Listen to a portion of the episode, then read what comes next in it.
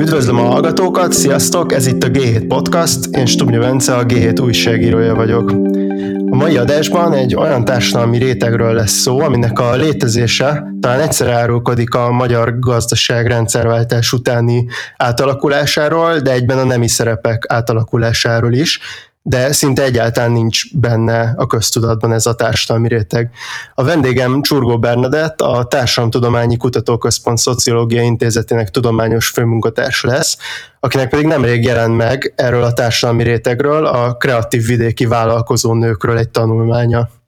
A kutatásban 48 interjú készült olyan vidéki vállalkozónőkkel, akik kreatív és újító termékeikkel vagy szolgáltatásaikkal az elmúlt évtizedekben jelentek meg az interneten, a vidéki fesztiválokon, illetve a helyi gazdaságban, ezzel egy új életformát teremtő a vidéki Magyarországon. Szia Bernadett, és köszönöm szépen, hogy elfogadtad a meghívásunkat. Köszönöm a meghívást, szia, és én is üdvözlöm a hallgatókat. Tehát a tanulmány bevezetője és a nemzetközi kitekintés alapján a vidéki női vállalkozók számos nyugati országban jelentős társadalmi réteget képeznek, viszont igazából ennek a rétegnek a, a kelet-európai, vagy egyáltalán a magyarországi létezése, létezése az számomra is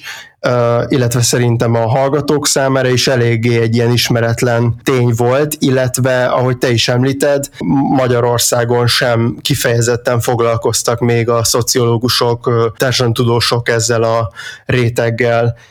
Úgy kicsit ilyen messzebbről kezdve mit lehet mondani erről az egész témáról, és te hogy jutottál el oda, hogy mondjuk ezzel foglalkozz? Igen, az jól látszik, hogy a, szerte a fejlett világban a vállalkozónők úgy általában azért egyre láthatóbbá válnak, és ezzel párhuzamosan a tudományos érdeklődés is egyre jobban foglalkozik velük. Ugyanakkor az is tény, hogy ezen belül egy, ez a területi megosztás, hogy vidékváros különbség nem nagyon jelenik meg, és én szűkebben a vidék szociológiával foglalkozom, és az látszik, hogy ezen belül a vidéki vállalkozás és még inkább a vidéki vállalkozó nőknek a kutatása rendkívül marginális témának számít. Néha felfelbukkan egy-egy tanulmányban, főként Svédországból találkozhatunk ilyen példákkal, akik foglalkoznak valamilyen szinten vidéki vállalkozónőkkel, vagy hasonlóképpen, ha tematikusan akarjuk összekapcsolni, akkor leginkább a, agroturizmushoz kapcsolódóan jelennek meg kutatások, amelyben megjelenik a vállalkozónőnek egy ilyen speciális típusának a szerepe, de úgy általában vidéki vállalkozónőkről nem nagyon készülnek kutatások. Persze azt is fontos talán hangsúlyozni, hogy, a, hogy általában a vállalkozónőkről azért azt érdemes tudni, hogy a férfiakhoz képest alulreprezentáltak, tehát hogy itt általában az önfoglalkoztatás szokás nézni, és az önfoglalkoztatók között a nők aránya alacsonyabb, mint a férfiaké, és ez szerte a világban így van, Magyarországon is. Magyarország bizonyos szempontból gyengébben teljesítők között szerepel, tehát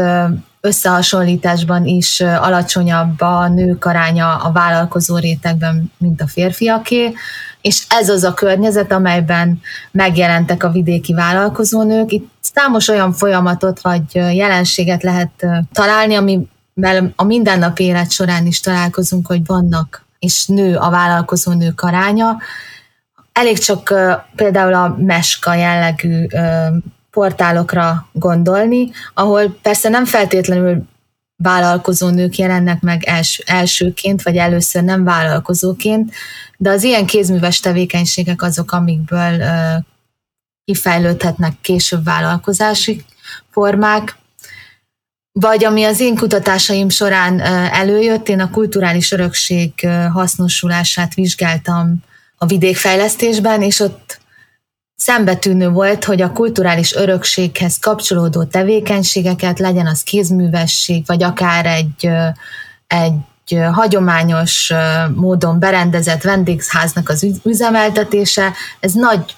számban nőkhöz, női vállalkozókhoz kötődik, és én ezen az úton indultam el tulajdonképpen, ez volt a kiindulási pont, amiért azt gondoltam, hogy érdemes megnézni, hogy vajon kik is ezek a felfelbukkanó vállalkozó nők, és ilyen szempontból egy különleges csoportot próbáltam megragadni, tehát nem általában azokat a nőket, akik vidéken élnek és valamilyen módon vállalkozásokat működtetnek, tehát mondjuk például szépségiparban fodrász, kozmetikus, hiszen ezek nyilvánvalóan létező foglalkozások kisvárosokban, vagy akár még falvakban is, hanem pont azokat kerestem, akik valamilyen módon újító, a különböző technológiai újításokhoz kapcsolódóan például az online térben értékesítésen keresztül jelennek meg, vagy számtalan alkalommal lehet velük különböző kézműves vásárokon találkozni. Ilyen szempontból ezt az új csoportot próbáltam megragadni. És egyébként még a nemzetközi kitekintésnél maradva a, a mondjuk nyugati országokat nézve, ott, ott tud mit lehet mondani, hogy mivel foglalkoznak az ebbe a rétegbe tartozó nők, és mondjuk Magyarországon ez mennyiben más még, még anélkül, hogy úgy nagyon részletesen belemennénk abba, hogy a kutatásodból mi jött ki, mert arra, arról még beszélünk majd részletesen. A nyugat-európai vidéki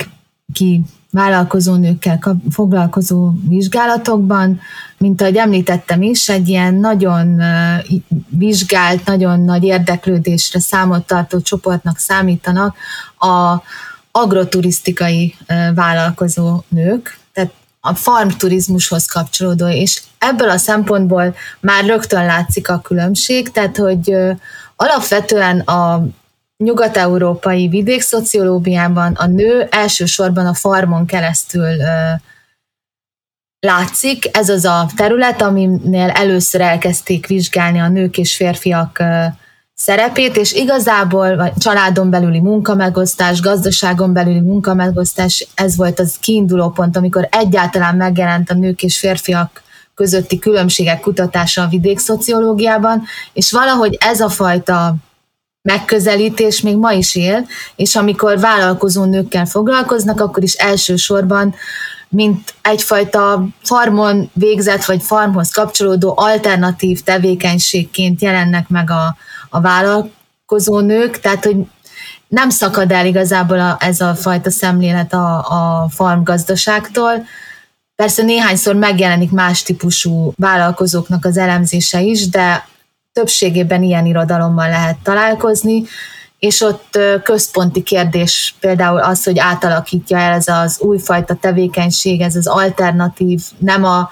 közvetlenül a farmhoz kapcsolódó munkavégzés, a nők és férfiak családon belüli szerepeit, munkamegosztását, és bizonyos előfeltevések szerint azt várják, hogy, e, hogy, hogy egy megerősíti a tradicionális szerepeket, hiszen olyan munkavégzésről van szó, amely a gondoskodás, a főzés, lakásfenntartás csak vendégek számára, tehát hogy ez mind, azt, mind ezt erősíteni, és meglepő módon számos esetben találják azt, hogy azzal, hogy ez, ez saját tevékenység, önálló tevékenység a nő számára, függetlenül a gazdaságban betöltött szerepétől, vagy az ottani munkavégzésétől, ez sokkal inkább a, a egyenlő munkamegosztáshoz, illetve egyfajta ilyen karrier típusú önmegvalósításhoz is vezethet.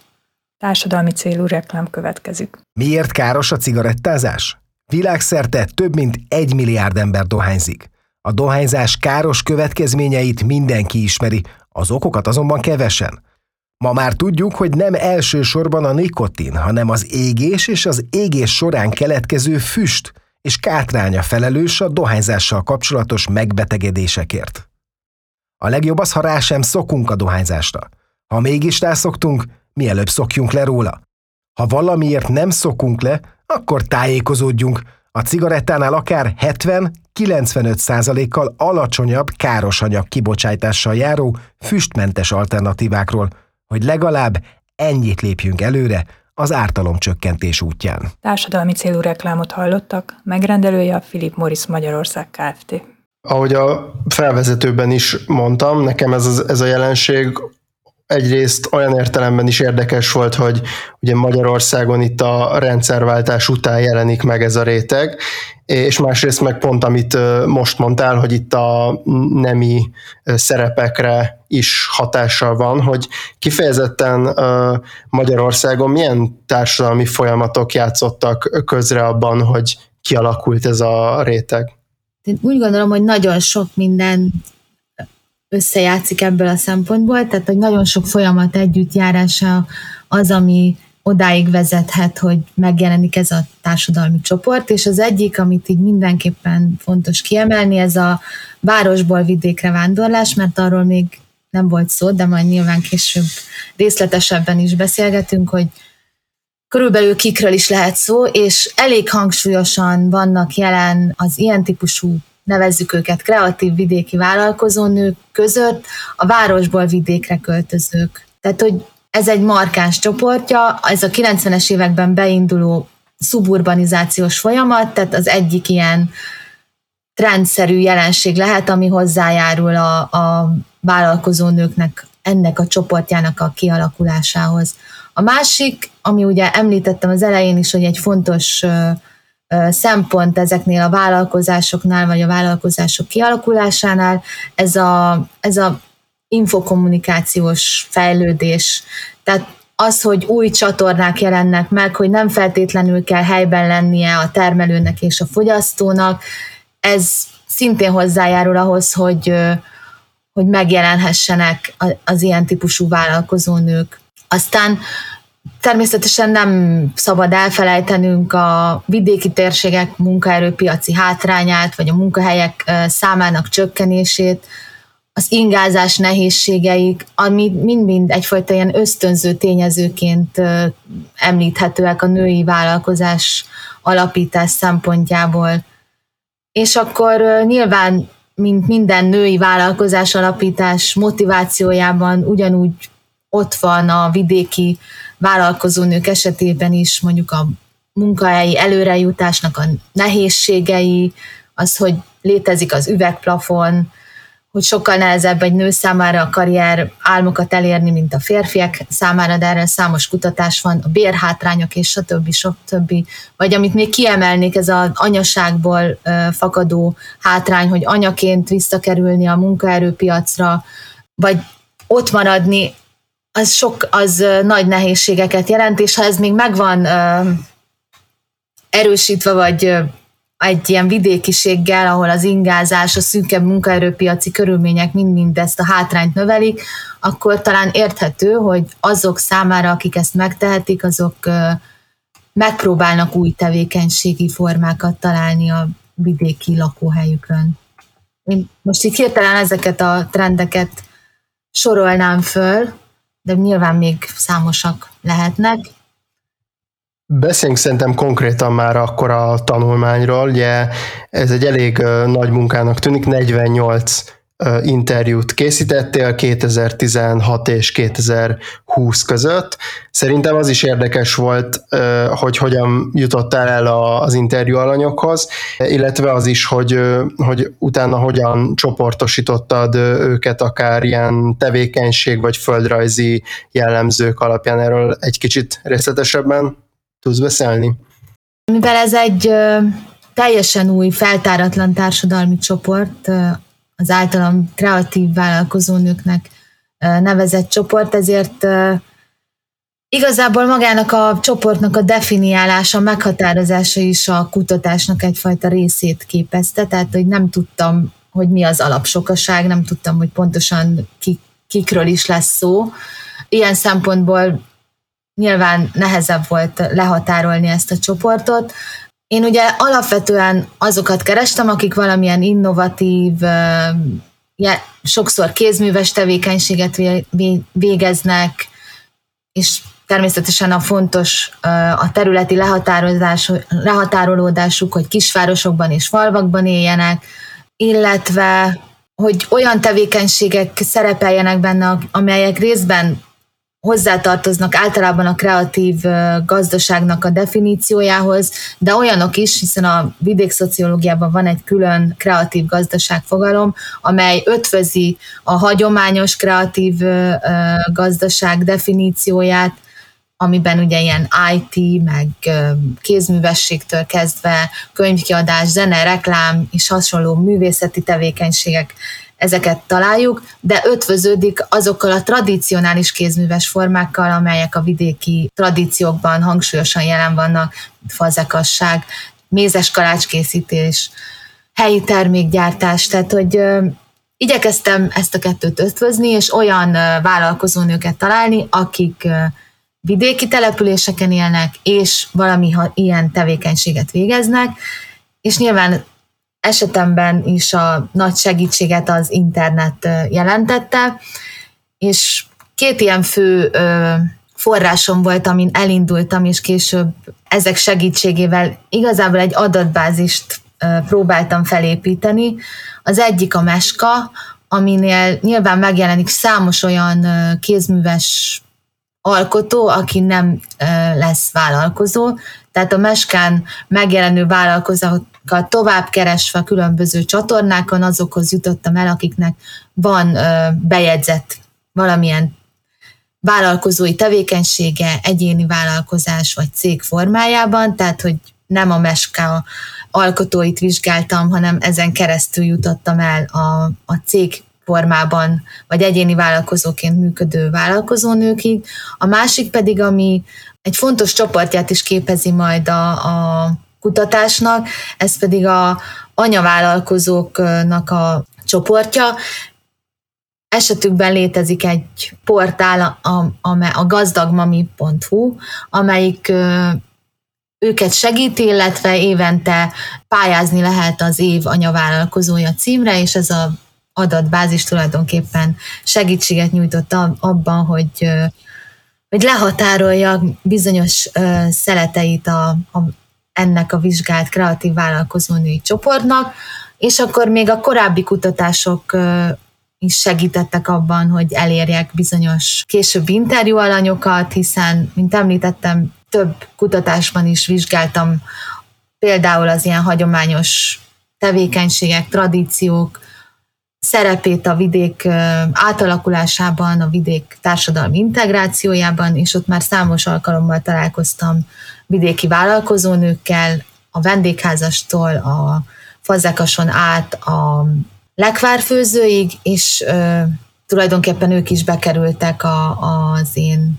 előzetes listámba, amiből később kiválasztottam az interjúra megkeresetteknek a körét. Tehát nagyon-nagyon sok forrásból, és nyilván számosat ki is felejtettem, hogy mennyire sok helyről kellett összeszedegetni, majdnem, hogy egyenként, tehát az, külön, az internetet böngészve, különböző helyekről levadászva a, a női vállalkozókat, amelyek megfeleltek ennek az előzetesen föláll, a saját definícióm szerint meghatározott körnek, ahol mondom, ez a kreativitás a kulcspont, és az egyik oldalon a hagyományos értelemben vett kreatív gazdaság, a másik oldalon pedig ez a tradíciókhoz kötött kreatív gazdaság jelenik meg. És akkor némileg praktikus okokból, némileg pedig abból kiindulva, hogy lehetnek területi különbségek, ezt a 48 interjút próbáltam területi egységekben elvégezni, vagy hát egyfajta területi lehatárolást is megadni, mivel már előzetesen is látszódott, hogy a város környéki vidéki térben valószínűleg jellegzetesen előforduló vállalkozó női típusokat lehet találni, ezért mindenképpen azt gondoltam, hogy a város környéke, és az én esetemben itt Fejér és Pest mennyire kell gondolni, egy ilyen kiemelt kutatási terület volt, tehát több interjú alany innen került kiválasztásra, aztán nem hagyható ki egy hagyományos, inkább mezőgazdasági jellegű terület, ebből a szempontból Jásznagykun Szolnok megyét választottam ki, és azon belül is főként a mezőtúri járás települései jelentek meg, és az ott működő vállalkozónők. Aztán nyilván egy sajátos területet jelentenek azok a térségek, ahol a turizmusnak nagyobb jelentősége van a vidé, egyrészt a vidéki turizmusnak ilyen szempontból az őrség és kicsit meghosszabbítva Zala megyének az őrséghez közeli területeiről választottam interjú alanyokat, illetve egy inkább ilyen hagyományos turisztikai rekreációs területeként pedig a északi Mátra térsége jelent meg. Ennek praktikus oka az, hogy egyszerűbb interjút szervezni és lebonyolítani jól körülhatárolt területi egységekben, mint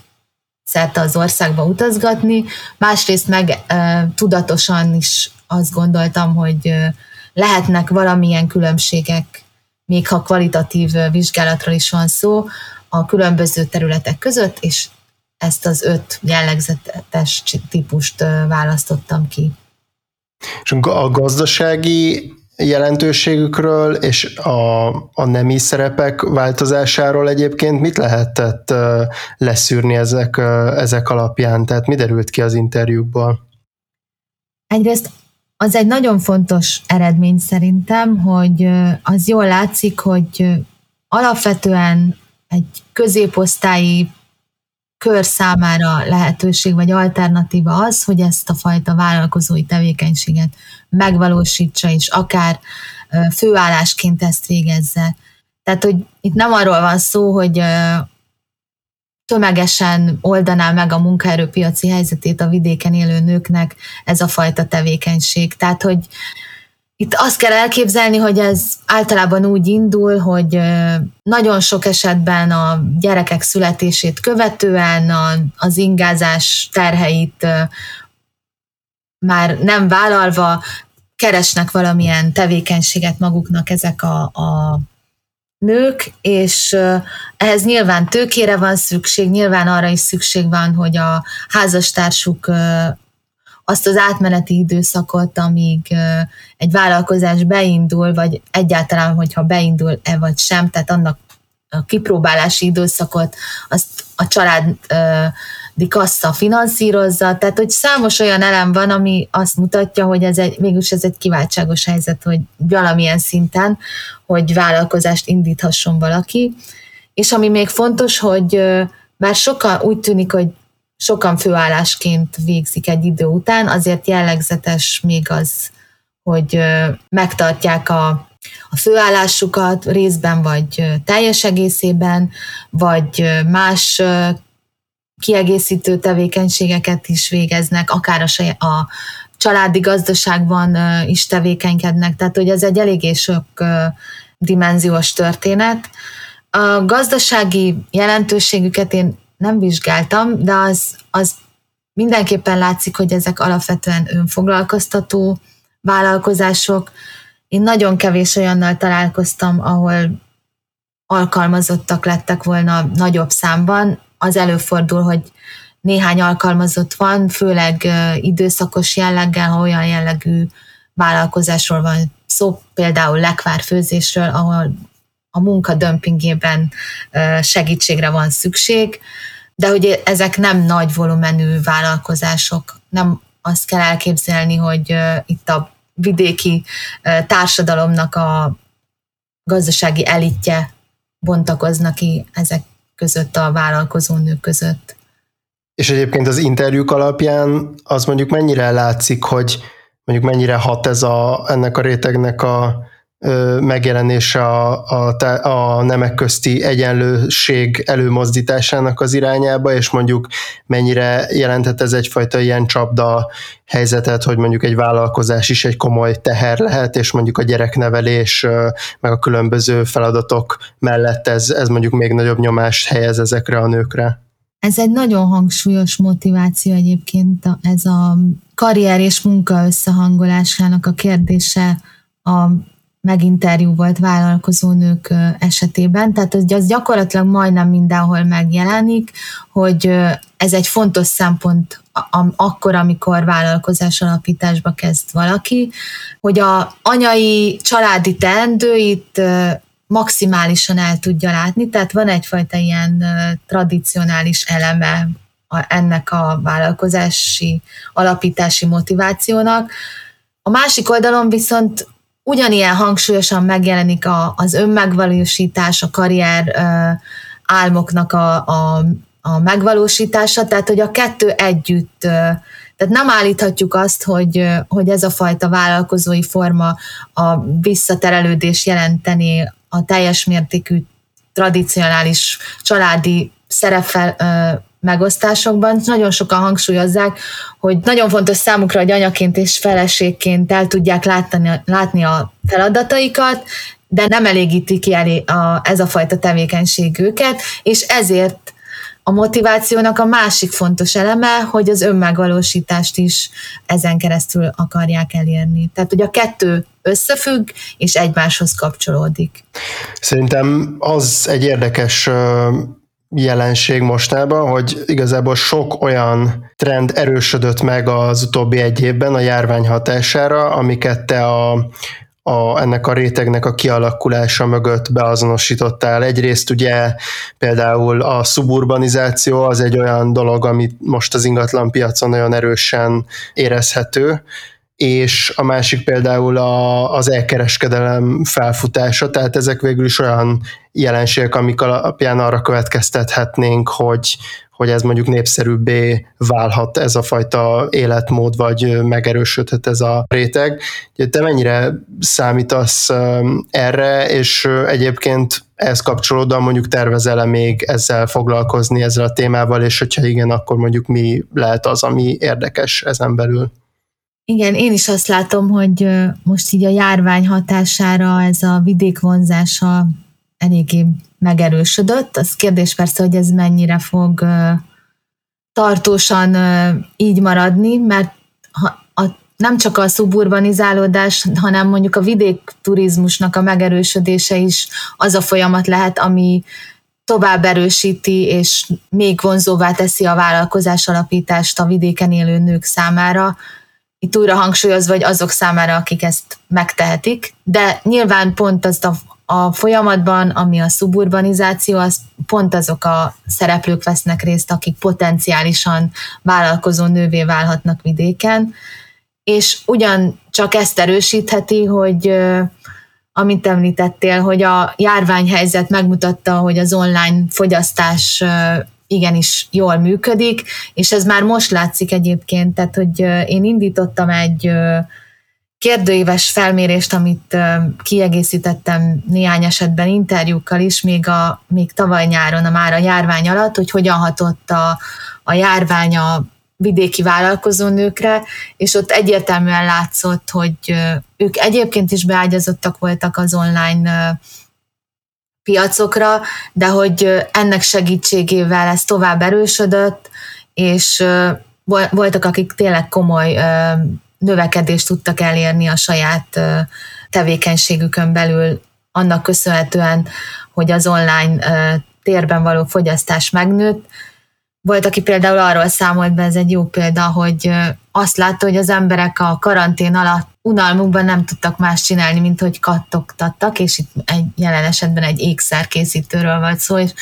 és hirtelen megnőtt a kereslet a, az ő ékszere iránt, mert sokkal több elérése volt azon keresztül, hogy sokkal több időt töltöttek az emberek a, a internet előtt. Úgyhogy én azt várom alapvetően, hogy ha ezek a folyamatok tovább erősödnek, vagy megmaradnak, akkor, akkor még láthatóbbá válnak ezek a vállalkozónők minnyájunk számára. Hát ez, ez mindenképpen egy, egy érdekes, és szerintem egyébként nem, nem, nem sokak által ismert következménye lehet ennek az elmúlt egy évnek, úgyhogy majd érdekes lesz tényleg követni, hogy, hogy mi, mi lesz ennek a rétegnek a, jövője, és hát akkor köszönöm szépen Csurgó Bernadettnek, hogy a vendégem volt a héten. Én is köszönöm szépen a meghívást. A hallgatóknak pedig köszönöm, hogy itt voltak velünk. Iratkozzatok fel ránk ott, ahol a podcastokat hallgatjátok, és ha tehetitek, akkor támogassatok minket úgy, mint hogyha előfizetnétek alapra a g7.hu per támogatás oldalon, és Tumja Bence a G7 újságírója vagyok, a G7 podcastot hallottátok.